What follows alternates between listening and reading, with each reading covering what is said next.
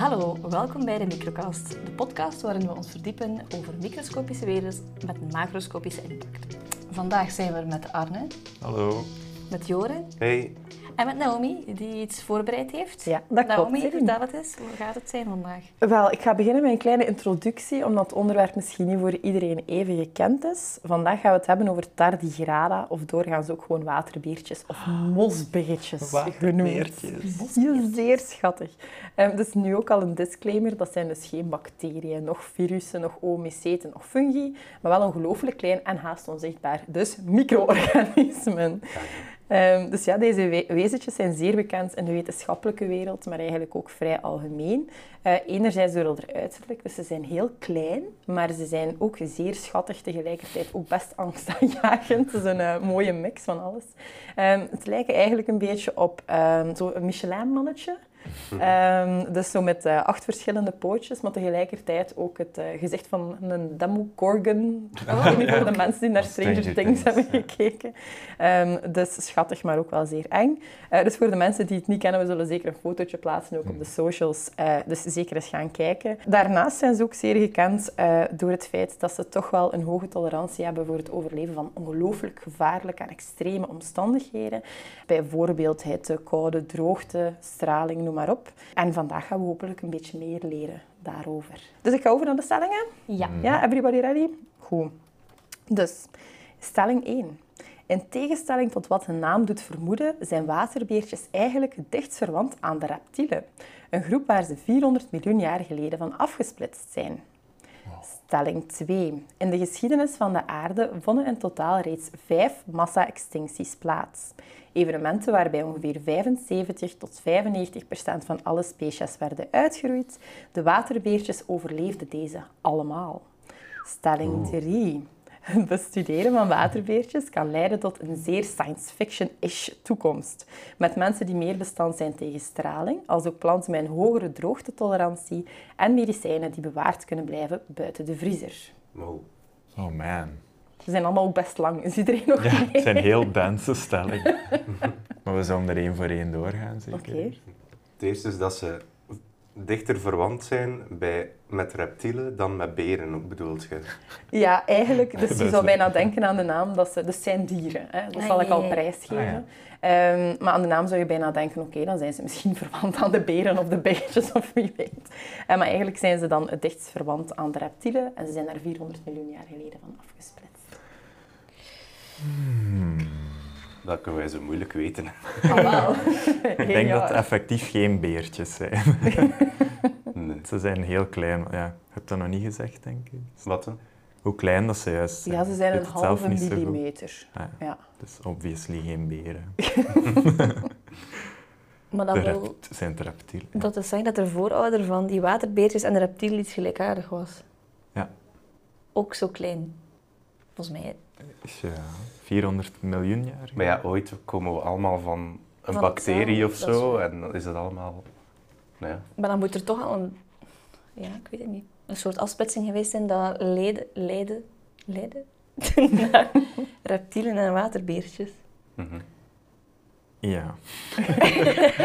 dat k- kan, ja. Wie weet, hoe zagen reptielen er 400 miljoen jaar geleden. Dat weet ik nu niet. Dat is nog voor de dinosaurussen en al. Ik kan er al een klein weetje tussen smijten, eh, dat ze dus wel degelijk afgestamd zijn van iets dat groter was dan hun. Dus het is niet klein begonnen, het is de Oh. gemeenschappelijke voorouder van was groot en is klein geworden. Ah, ze Oh. zijn terug naar klein gegaan. Ja, Wauw. Ja, No way of knowing, denk ik. nee. Maar redeneren. oké. De tweede stelling. De tweede, dat was in de geschiedenis van de aarde zijn vijf massa-extincties geweest Mhm. in totaal. En de waterbeertjes hebben die allemaal overleefd. Oké. kan op verschillende manieren fout zijn. ze hebben sowieso alle massa-extincties overleefd die ze meegemaakt hebben. Want ze zijn hier nog. True. En als ze 400 miljoen jaar oud zijn, Hoeveel massa-extincties zijn er al geweest? ja, misschien vijf. Moet ik al eens een disclaimer geven over wanneer de eerste massa-extinctie was? Of Ja. toch de eerste eh, algemeen erkende?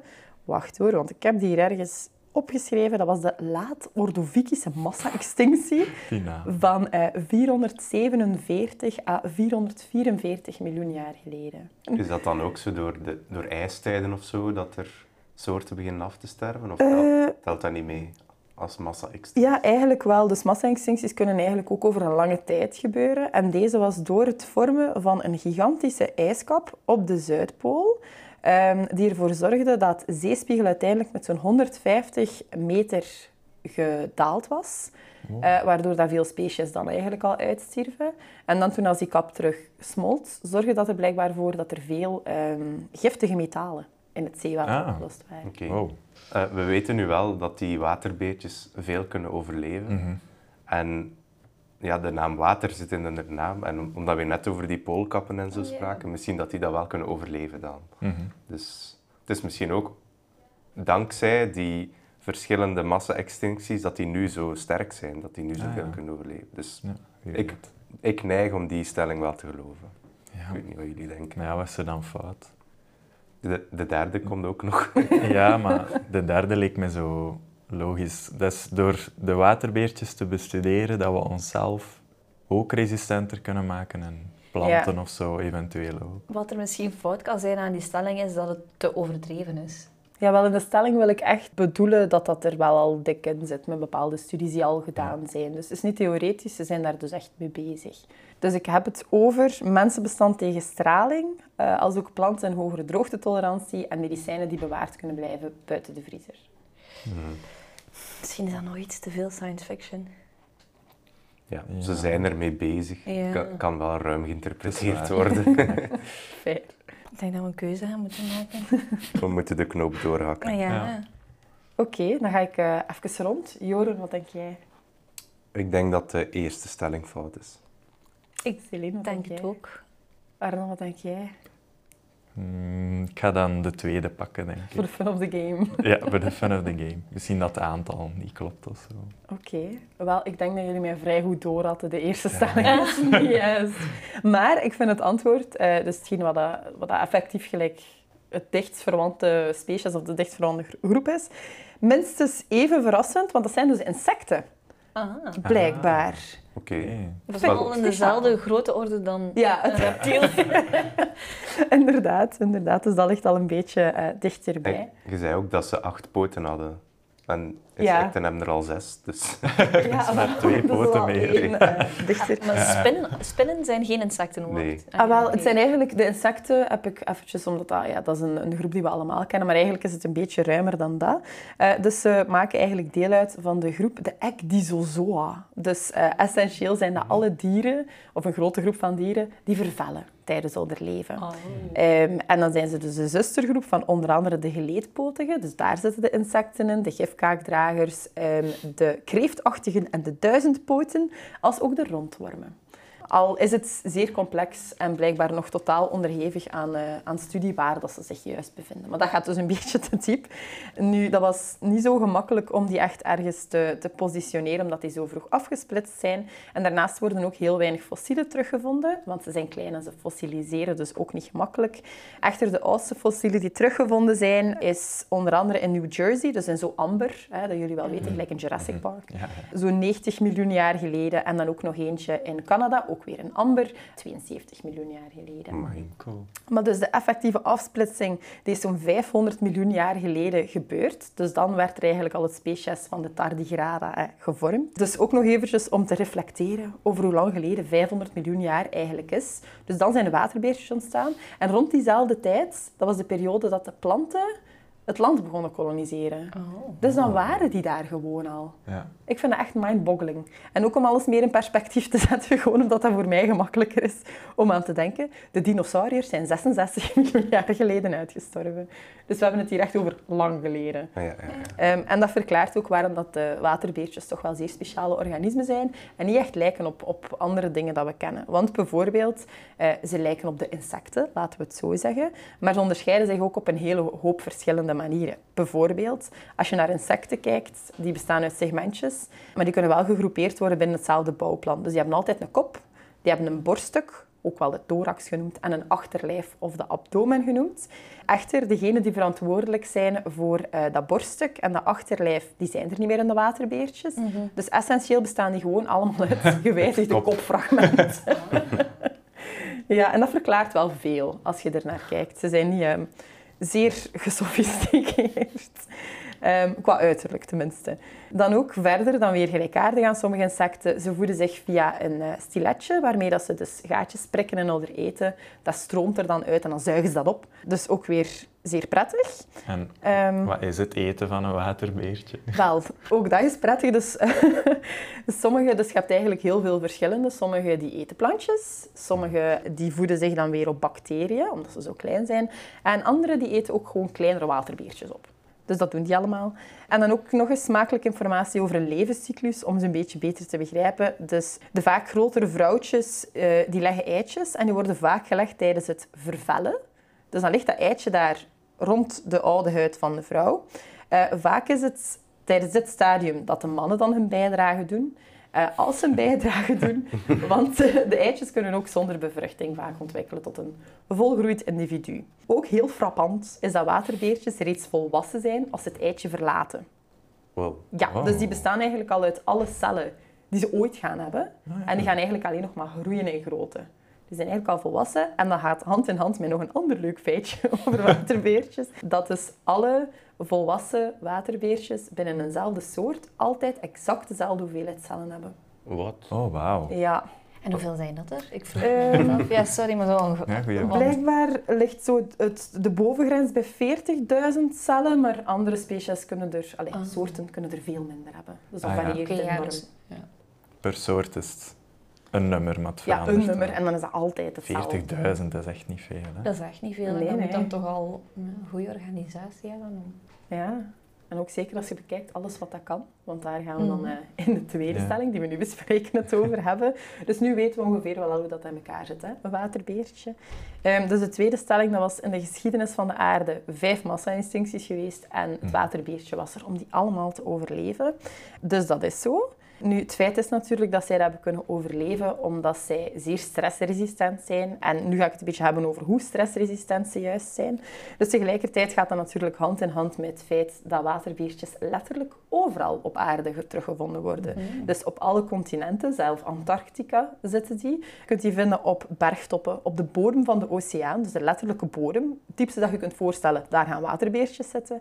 In de regenwouden, de woestijnen, onder dikke ijslagen, ook in milde omgevingen, zoals riviertjes, bossen en heel vaak in mos, wat ook weer de naam verklaart. Ehm, en verrassend genoeg ook in stenen muren en in dakpannen. En Wikipedia gaf mij die informatie. Hoe gelukkig zijn die daar dan? Wat doen die daar? Wat is een, een rol? Dat weet ik Wa- wa- wat doen die in de diepste laag van de oceaan en in dakpannen? Nu, ik moet wel eerlijk zijn, ehm, vaak zitten die daar in een vrij gestrest stadium. Ja, ja, dat is Die zijn daar niet gelukkig en dat is ook waarom dat we ze geen extremofielen gaan noemen. Dus ehm, voor de mensen die niet bekend zijn met het woord extremofiel, dat betekent eigenlijk dus dat je echt wel kan thriven of kan, wat is het Nederlandse woord voor thriven? gedijen. Gedijen. Gedijen in eh, extreme situaties. Dus er zijn organismen die daarvoor aangepast zijn, die daar perfect bij kunnen leven. Dat is niet zo met een waterbeertje, maar die kunnen daar gewoon heel goed mee omgaan door in een zeer resistente stresssituatie te kruipen, eigenlijk. Ah, ja. Zijn dat ook Ehm. die organismen dat ze al naar, eens naar de ruimte gestuurd hebben, of niet? Ja, Joren, maar je loopt voor op de feiten. Sorry. Nee, nee, nee. Maar dat komt dus strakjes, want nu ga ik dus eh, beschrijven waar dat ze onder andere allemaal al eh, getest hebben met die beestjes, want die hebben wel al wat moeten verduren. Eh, dus in eerste instantie kunnen die tegen extreme koude tot min 273 graden Celsius. En zoals jullie misschien weten, dat ligt heel dicht tegen, de- dat is essentieel 0 Kelvin. Het was Ah, ja. 0,01 Kelvin. Dus dat is het Het kan niet absolute- kouder. Het kan, ja, het kan niet kouder. Ja. En daar kunnen die dus enkele minuten bij overleven in een stresstoestand. Ehm, en achteraf kan, kunnen die dan ook gewoon weer opgewekt worden en dan maken die kindjes en dan zijn die gelukkig. Opgewekt. En- ja, opgewekt. Blij. Ehm, Hoe kunnen dus- wij ons dat voorstellen, die stresstoestand? Is Ah, dat dat die echt zo een beetje aan het beven zijn? Dus eh, essentieel, de, specif- de specifics eigenlijk van de stresstoestand hangen af van eh, de juiste omstandigheden. Maar essentieel gaan die eigenlijk een eh, bolletje vormen, waar dan metabolisme wordt vertraagd of stilgelegd tot 0,01% van het normale metabolisme. Dus er gebeurt eigenlijk niet zoveel niet meer in dat waterbeertje. Ehm, die gaan ook meestal al het water aan hun lichaam gaan onttrekken. Dus dat gaat eigenlijk een heel droog dorbolletje worden, eh, worden. Ehm, tot zo dat ze eigenlijk, normaal gezien hebben ze ergens 85% water in een lijfje en dan nog maar 1%. Ze kunnen ook leven bij extreme warmte. Dus ehm, 151 graden Celsius is zo'n beetje het maximum. Dat kunnen ze ook gedurende enkele minuten overleven. Eh, al is een warmtetolerantie net iets lager, ook bij extreme droogte. En drukken die tot zes keer zo hoog kunnen zijn als het diepste punt van de oceaan. Wow. Ja, dus dat is de Marianentrog en dat mag dan nog een keer zes keer zo hoog zijn. Huh? En dan Zeg maar, hoe hebben die dag geëvolueerd? Waar in vinden een- die die, een die drukken drukcabine dan? of zo, ik weet het Ah niet. ja, daar hypo...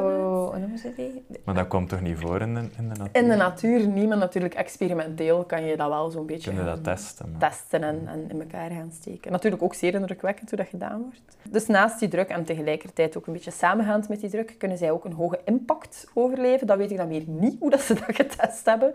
Want dat gaat tot 900 meter per seconde. Ook wel 300, eh, nee, 3240 kilometer per uur. Hebben ze die niet een keer afgeschoten met een geweer of zo?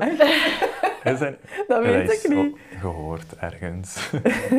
Ja, ik zou niet weten hoe ze dat juist getest Ze gebruiken die dus ook als het. eh, crashtest dummies bij auto. Maar dat zou natuurlijk wel logisch zijn als ze het beestje zelf afschieten, want anders is het veel afhankelijk van het gewicht Of natuurlijk. ja, er is... Ja. Of van voor op een kogel. Ik vastbinden. Ik beelde me dat ook zo. Maar ze hebben, wel al wat, we hebben ze wel al wat aangedaan om te kijken van Maar ze hoe ver gaat overleven het altijd. Ja, ja, ze overleven altijd, blijkbaar. Ehm, en dan ook dus de ioniserende straling, hè, zoals we die kennen, UV-straling en dergelijke meer. Ehm, kunnen ze die dus ook in eh, een aantal honderd keer hogere dosissen aan dan wat dat normaal gezien letaal is voor de mens. Nou, mee. Ja. Ik ben nu nog altijd niet mee wat de, het ecologische nut is van die waterbeertjes. Dat is een zeer goede vraag. Ik heb mij dat vanmorgen ook Ja, waarom zijn die en wat doen die? Ehm, en ook vooral, waarom kunnen die tegen alles? Ja. Dat vraag ik Ja. me ook af. Want normaal gezien zou je verwachten, oké, ze komen in één omgeving terecht en dat tekent een beetje op Ja. een evolutionair patroon, om het zo te zeggen. Bijvoorbeeld, ik zit in de kou, kan tegen kou, na verloop van tijd. Maar die kunnen dus tegen alles. Ja. Hoe? Maar voor het ecologisch nut kan misschien ook gewoon zijn dat ze voedsel zijn voor andere organismen. Dat Ja, kan ja, ook een ja, nut oké. zijn. Ja.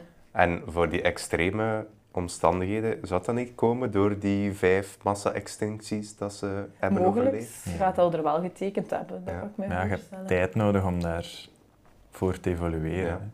Misschien was de eerste massa-extinctie iets heel koud, dan iets heel, warm, iets heel warm, dan worden ze van kogels afgevuurd. Hoge druk. Hoge druk. Ja, het is echt wel heel impressionant. Wat Ja. Ja, ja, het is, eh, Ja. het is Oh ja. echt wel zot. Waarom doen ze dat?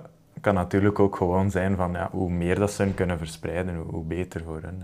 Hè. Ja. Dus als zij op bepaalde plaatsen kunnen overleven waar dat geen enkel ander dier leeft of organisme leeft. Maar dan moeten ze toch eten hebben? Hm? Maar hebben ze dan eten? Ah, wel. Andere waterbeertjes. Ah ja, ah ja, ja, het is juist. Ja, zitten juist. elkaar op. Er elkaar Ze op. kunnen ook wachten totdat er daar een nieuw leven passeert. Daar Ja. komt het eigenlijk op neer. Dus ze kunnen Oh. in een stresstoestand tot 30 jaar zonder eten. Dat ook nog.